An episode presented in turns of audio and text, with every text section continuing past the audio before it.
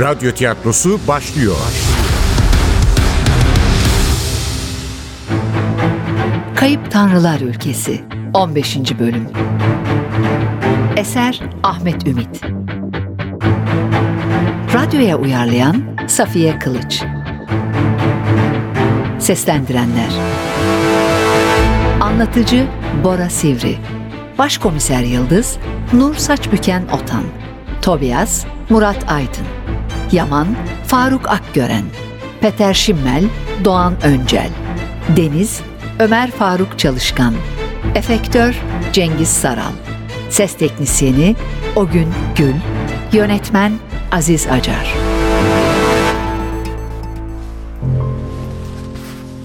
Anne, anne. Buradayım. Buradayım Denizciğim. Denizin kıpırdamasıyla kesildi Yıldız'ın düşünceleri. Uzanıp oğlunun nemli alnına bir öpücük kondurdu. Çocuğun saçlarını okşadı. Annesine sımsıkı sarılan olan yeniden gözlerini kapamıştı. Merak etme. Baba? Başını kaldırınca kapıda dikilmekte olan babasını gördü Yıldız. Çağla yeşili bir tişört vardı üzerinde. Ayağında rengi solmuş bir kot pantolon. Gümüş rengi saçları kısacık kesilmişti.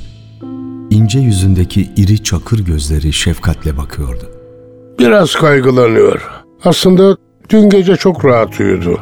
Sadece sabah okula giderken annem bu akşam gelecek değil mi diye sordu. Gelecek dedim ama sen dedenle olmaktan mutlu değil misin diye de yalandan sitem ettim. İkinizi de evde görünce daha mutlu oluyorum dedi. Çok uyanık senin bu oğlan. Uyanıktan çok politik diyelim. Kimlere çekmiş acaba? Tabii dedesine. Annesi siyasetten uzak durdu. Bırak da oğlu dünya meseleleriyle ilgilensin biraz. Aman baba, hep aynı şeyi söylüyorsun ya. Tamam, dünya meselelerine çözüm getiremiyoruz. Ama biz de adaleti sağlamaya çalışıyoruz kendi çapımızda. Biliyorum Yıldızcığım, biliyorum. Takılıyorum işte. Ama gerçek olan şu ki bu oğlan benden daha yakışıklı olacak. Ee, ırklar karışınca nesil güzelleşiyor. Üstelik herkesi de memnun etmeyi çok iyi biliyor kerata. Ben hiç öyle bir çocuk olamadım. Az önce Yıldız'ın oğlunun başını okşadığı gibi Yaman da kızının başını okşadı. Aynı sevgi dolu dokunuşlarla. Daha iyi ya. Sen hep dobra bir çocuktun. Aklındaki neyse pat diye söylerdin. Hem de insanların yüzüne. Dimdik. Benim doğrucu kızım. Hadi içeri geçelim. Ben de onun için gelmiştim zaten. Kahveler soğuyor. Masanın üzerindeki açık yeşil tepsiden turuncu fincanını aldı Yıldız. Pencerenin önündeki kanepeye geçti. Yaman masanın önünde duruyordu. Kışın İstanbul'dan sana getirdiğim lokumlardan kalmış mutfakta ister misin? Sağ ol baba istemem. Gel. Gel sen de otur artık. Dünden beri Deniz canını çıkarmıştır. Fincanını alan Yaman da karşıdaki berjer koltuğa gömüldü. Aslında babasının böyle eve gelip oğluna bakacağını söyleseler asla inanmazdı. Yıldız küçük bir kızken o kadar da sorumlu davranmazdı babası. Kötü bir baba değildi ama siyaset her zaman daha ağır basardı. Bir miting ya da eylem olduğunda rahmetli annesini de yanına alır, Yıldız'ı alt kattaki komşuya bırakıp giderlerdi. Dönmeleri saatler sürerdi. O yüzden denize bakabilir misin diye ilk sorduğunda hayır cevabı alacağından emin gibiydi. Ama hiç ikircime düşmeden elbette bakarım demişti Yaman. Seve seve. Önce zoraki olarak kabul ettiğini düşünmüştü Yıldız. Dede olarak yapmak zorunda olduğu bir iş. Ama ardı ardına üç kez yardım isteyip, üçünde de teklifinin büyük bir hevesle kabul edildiğini fark edince anlamıştı ki babası denizle vakit geçirmekten büyük mutluluk duyuyordu. O da mutluluk duymuştu bundan. Biraz da hüzün. Keşke o çocukken de bu kadar duyarlı olsaydı. Ama yapamazdı Yaman. Kendi kızı elbette önemliydi. Ama dünyadaki öteki çocukların çektiği acıları da görmezden gelemezdi. Onlar için mücadele etmeliydi. Hayır, artık kızmıyordu Yıldız. Çoktan yüzleşmişti bu hakikatle. Hatta şimdi yorgun haline aldırmadan Polis kızına kahve yapan yaşlılığın eşiğindeki bu kıdemli devrimciye minnetle bakıyordu. Gözlerini yarı yarıya kapatarak kahvesinden bir yudum aldı. Yine enfes olmuş. Nasıl yapıyorsun ya? Kocaman kadın oldum. Bir türlü beceremedim böyle kahve pişirmesini. Annen sayesinde. Biliyorsun çok kahve içerim. Eskiden çok daha fazlaydı. Sonunda usandı kadıncağız yeter artık dedi. Kalk kendi kahveni kendin yap. Baktım pabuç pahalı. Öğrendim kendi kahvemi kendim yapmayı. Aslında çok basit Yıldızcığım. İlki kahvesini kıvamında koyacaksın. İki kişi için dolu dolu dört çay kaşığı. İkincisi ağır ağır pişireceksin. İyi bir yemek gibi. Malzeme tamam olacak, kısık ateşte pişecek.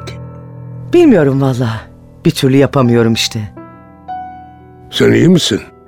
Franz artık bulaşmıyor değil mi? Franz mı? Yok baba. O iş bitti. Olmayacağını anladı. Önümüzdeki ay mahkeme var. Muhtemelen son celse olacak. Kabul etti artık. Deniz'le ilgili bir mesele olmazsa aramıyor bile. Üçünüzün fotoğrafı hala odasında Deniz'in. Yoksa sen de mi emin değilsin? Ne alakası var baba ya? Çocuk rica etti.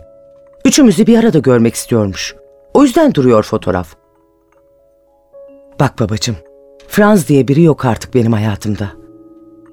Şu an sadece biraz yorgunum. 24 saattir görevdeydim. Karışık bir dosyayla uğraşıyorum.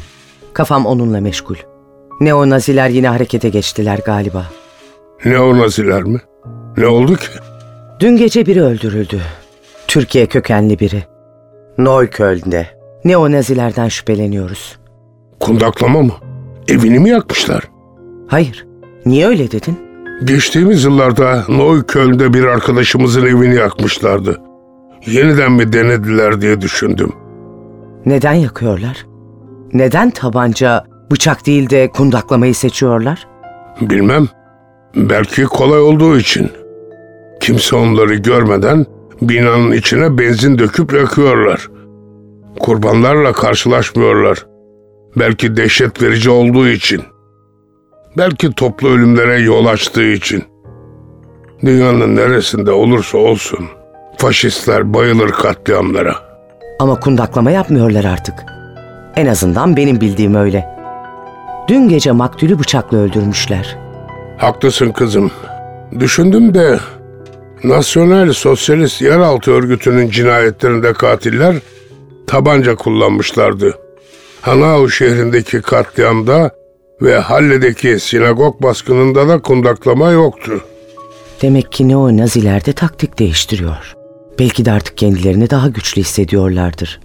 O yüzden ellerinde silahlarla ortaya çıkıyor, daha cüretkar eylemler yapmaktan çekinmiyorlar.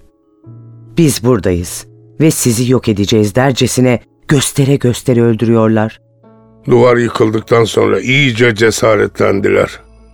Doğudaki işsizlik, yabancı düşmanlığının kaynağı oldu. Alman olarak ben zorluk çekerken neden göçmenler daha iyi koşullarda yaşıyor diyenler yabancı düşmanlığının taraftarı oldu. Sayıları her gün artıyor. Çok kötü bir durum bu. Giderek daha da cesaretlenecekler. İlk kundaklama Şvandor şehrinde olmuştu değil mi? Yanlış mı hatırlıyorum? Doğru hatırlıyorsun. 1988 kışıydı. Josef Seller diye bir cani, Türk bir ailenin oturduğu binayı kundaklamıştı. Yangında Osman Can, eşi Fatma ve oğulları Mehmet'le Yürgen Hübner yaşamını yitirmişti. Maşallah ya. Nasıl hatırlıyorsun böyle? Tarih tarih, isim isim. O dönemde kurulan komisyonda yer almıştık annenle ikimiz. Türk derneklerini temsil ediyorduk. Rapor hazırladık. O yüzden hepsini hatırlıyorum. Kundaklamalar sonra da sürdü. Dört yıl sonra Möln'de Aslan ailesinin kaldığı ev kundaklandı. Üç Türk öldü. Ondan bir yıl sonra Solingen'de evleri yakılan beş Türk hayatını kaybetti. Ludwigshafen'daki yangını hatırlıyorsundur. Kundaklama olduğu yönünde şüpheler vardı. Orada da dokuz kişi can vermişti. Ludwig Safen'a ben de gitmiştim. Korkunçtu. Yan yana uzatılmış, kararmış cesetler. Gerçekten korkunçtu. Kahveni içsene. Buz gibi oldu. Tadı kaçmıştı Yaman'ın ama kızını kırmadı. Önündeki sehpanın üzerinde duran fincanı alıp dudaklarına götürdü. Brigit ne yapıyor? Aramadı mı şimdiye kadar? Brigitte de babasının birlikte yaşadığı kadındı. İyi biriydi. Yeşiller Partisi'nin aktif üyelerindendi. Brigitte ile evlenmemişti Yaman. Karısı Nilüfer'in anısına saygısızlık olacağını düşünüyordu. Her konuda ilerici olabilirim ama bu konuda biraz tutucuyum diye açıklamıştı kızına. Brigitte'nin de evlenmek gibi bir niyeti yoktu zaten. Yıldız kendi kendine gelin güvey oluyordu babasının evlenmesini isteyerek. Böylece rahatlayacaktı. Ama hiç oralı değildi Yaman. Aynı evde bile yaşamıyorlardı. Böylece birbirlerinden sıkılmıyorlarmış, aralarındaki aşk da ölmüyormuş. Böyle diyorlardı. Ama Yıldız babasının korktuğunu biliyordu. Yeniden bir kadınla birlikte yaşamak, onu hayatının parçası haline getirmekten korkuyordu. Annesinin ölümünden sonra zor toparlamıştı. Birine bağlanmak, hayat onunla birlikte sırtlamak insanı zayıf kılıyor demişti. Hiçbir zaman ölüm kelimesini kullanmadı karısının kaybı için. Hep gidince, aramızdan ayrılınca, bizi terk edince derdi. Belli ki Nilüfer'den sonra başka bir kadına bu denli bağlanmayı göze alamıyordu. O yüzden Birgitte ile arasına hep bir mesafe koyuyordu. Brigit aramaz mı? Aradı tabii. O da oğluna gitmişti Heidelberg'e. Torunu oldu yeni. Kıvır kıvır saçları var, iri mavi gözleri. Bir hafta orada kalacak. İstersen birkaç gün daha bakabilirim denize. Çok iyi olur. Sabah ben bırakırım okula, çıkışta sen alırsın. Yarın yoğun bir gün olacak. İşim ne zaman biter bilmiyorum. Hiç merak etme, ben ilgilenirim denizde. Sadece sabah 11'de işim var. Türkiye'den Berlin'e gelmek zorunda kalan politik göçmenlerle dayanışma toplantısı. Ondan sonra boşum. Okuldan parka götürürüm. Hayvanat bahçesini istiyor ama ben o hayvancıkları orada görmesine razı değilim. Bahçe falan değil, hapishane orası. Hemen kapatılması lazım. Türkiye'deki darbe öncesinde iki yıl hapis yattıktan sonra hiçbir canlının tutsak edilmesine gönlü razı olmuyordu Yaman'ın. Kahvesinden bir yudum daha aldı. Mavi gözlerini kızına dikerek yeniden konuya döndü.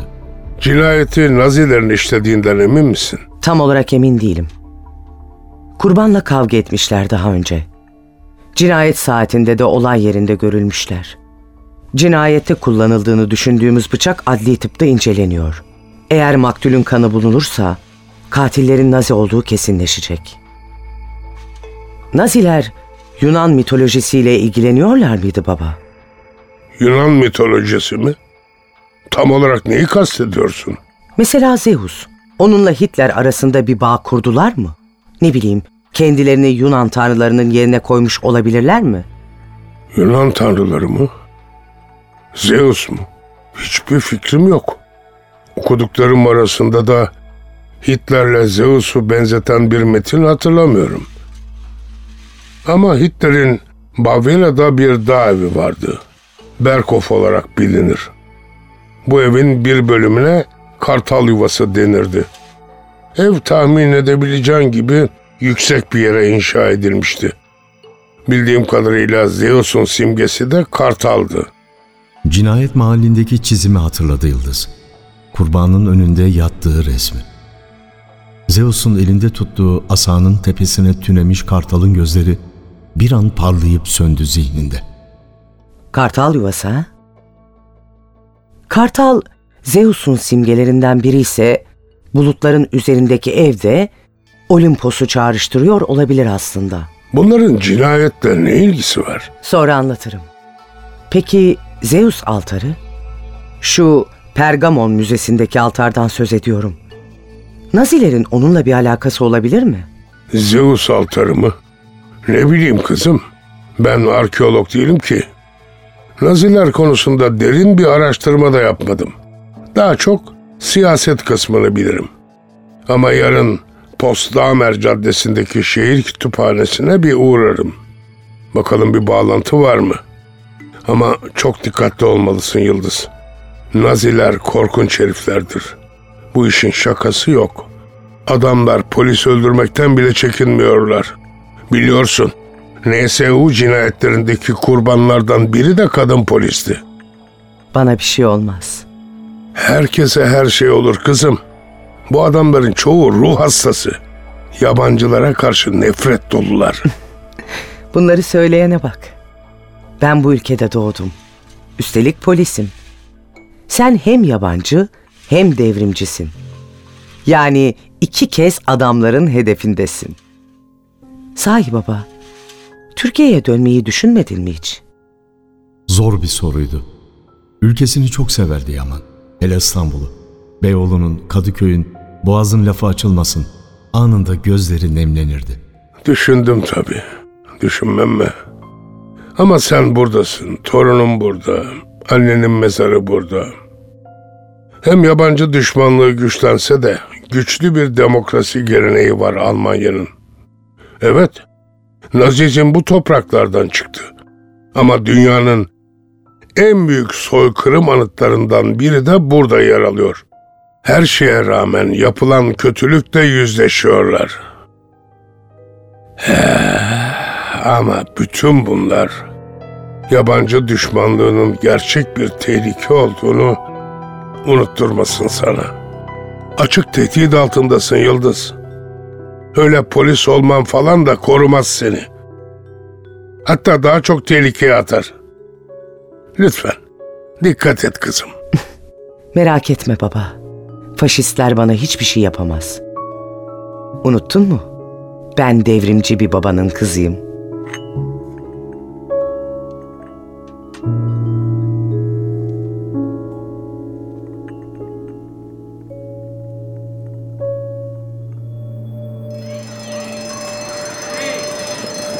Geç kalmıştı Yıldız. Oğlunu okula bırakırken sınıf öğretmeni Bayan Hermine Krause görüşmek istemişti. Bu yıl derslerinde iyi değildi oğlum. Franz'a çok bağlıydı Deniz. Baba birdenbire evden ayrılınca kötü etkilenmişti çocuk. Daha çok ilgilenmesi gerekiyordu oğluyla. Sadece kendisi değil, eski kocası da bunu yapmalıydı. Mümkünse üçü birlikte buluşmalıydı. Olabilirdi. Sonuçta düşmanı değildi Franz. Zaten bildiği sorunları bir kez daha anlatmış, onun da yapmak istediklerini önermişti sınıf öğretmeni. Yerden göğe kadar haklıydı kadın. Saygıyla dinledi Yıldız. Elinden gelenin en iyisini yapacağını söyleyerek ayrıldı okuldan. Arabada eski kocasını aradı. Ama telefonu kapalıydı. Yeniden aramalıydı. Oğlu bu halde devam edemezdi. Ama polis merkezine gidene kadar Deniz için yapacaklarını değil, Cemal cinayetini nasıl çözeceğini düşünüp durdu. Merkezin merdivenlerini çıkarken çaldı Yıldız'ın telefonu. Arayan kişi kayıtlı değildi. Basamakları tırmanmayı sürdürerek açtı. Alo, buyurun. Alo, Bayan Karasu. Evet, Ben Peter Şimel. Dün tanışmıştık. merhaba Bay Şimel. Buyurun. Rahatsız ediyorsam sonra arayayım. Yok, yok buyurun sizi dinliyorum. Bu sabah Cemal'in odasına girdim. Bilmiyorum. Belki de girmemem lazımdı ama dayanamadım. Girdim işte. Çekmecesinde bir mektup buldum. Bir tehdit mektubu. Ne yazıyor? Çok uzun değil. Hepi topu beş cümle. Olduğu gibi okuyorum. Aşağılık Türk. Yaptıkların yanına kalmayacak. Hepsinin hesabını vereceksin. Saygısızlığının bedelini kanınla ödeyeceksin. Hazır ol. Yakında, çok yakında. İmza yerinde de Nazi işareti var. Gamalı haç. Bilgi için teşekkürler Bay Şimel. Ama artık zarfa da, mektuba da dokunmazsanız çok iyi olur. Gönderen kişilerin parmak izleri silinmesin. Biz de birazdan geliriz oraya. Bir de rica etsem mektubun ve zarfın fotoğrafını çekip WhatsApp'tan yollayabilir misiniz? Hemen yollarsanız memnun olurum. Elbette. Hemen yolluyorum. Ofisteyim bugün zaten.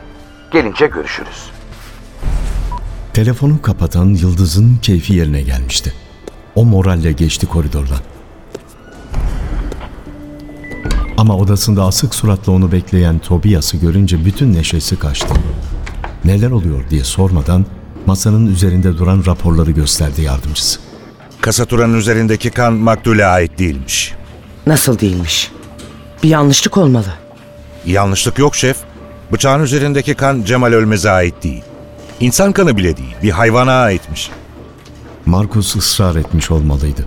Hem bıçağın inceleme sonuçlarını hem de otopsi raporunu yetiştirmişlerdi. Sayfaları karıştırdı.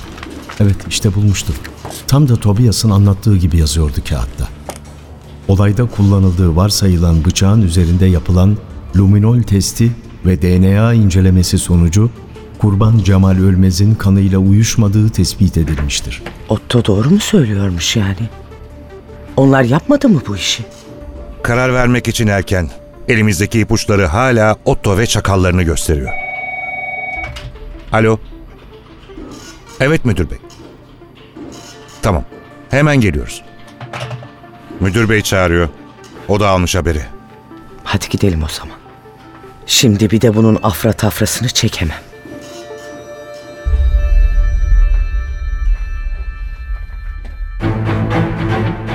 Kayıp Tanrılar Ülkesi. Eser Ahmet Ümit. Radyoya uyarlayan Safiye Kılıç. Seslendirenler. Anlatıcı Bora Sivri. Başkomiser Yıldız Nur Saçbüken Otan. Tobias Murat Aydın. Yaman Faruk Akgören. Peter Şimmel Doğan Öncel. Deniz Ömer Faruk Çalışkan Efektör Cengiz Saral Ses Teknisyeni Ogün Gül Yönetmen Aziz Acar